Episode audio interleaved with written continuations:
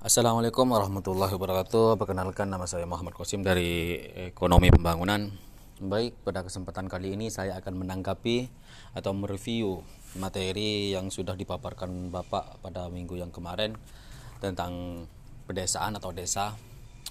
Sesuai apa yang saya baca di artikel bahwasanya di sana banyak ketimpangan di desa atau tingkat kemiskinan di desa itu sangat banyak gitu aku hanya ingin menanggapi sedikit saja. Kenapa tingkat kemiskinan di desa itu sangat tinggi ya tidak tidak lain atau tidak jauh yaitu tentang korupsi. Tentang korupsi, tentang korupsi apa itu? Dana desa atau dana-dana yang lain yang tidak diterbitkan untuk masyarakat desa yang lah dari situlah yang menimbulkan dampak kemiskinan yang sangat besar di desa. Oke, mungkin buat kalian atau buat teman-temanku semua, penyakit terbesar di Indonesia ini hanya apa?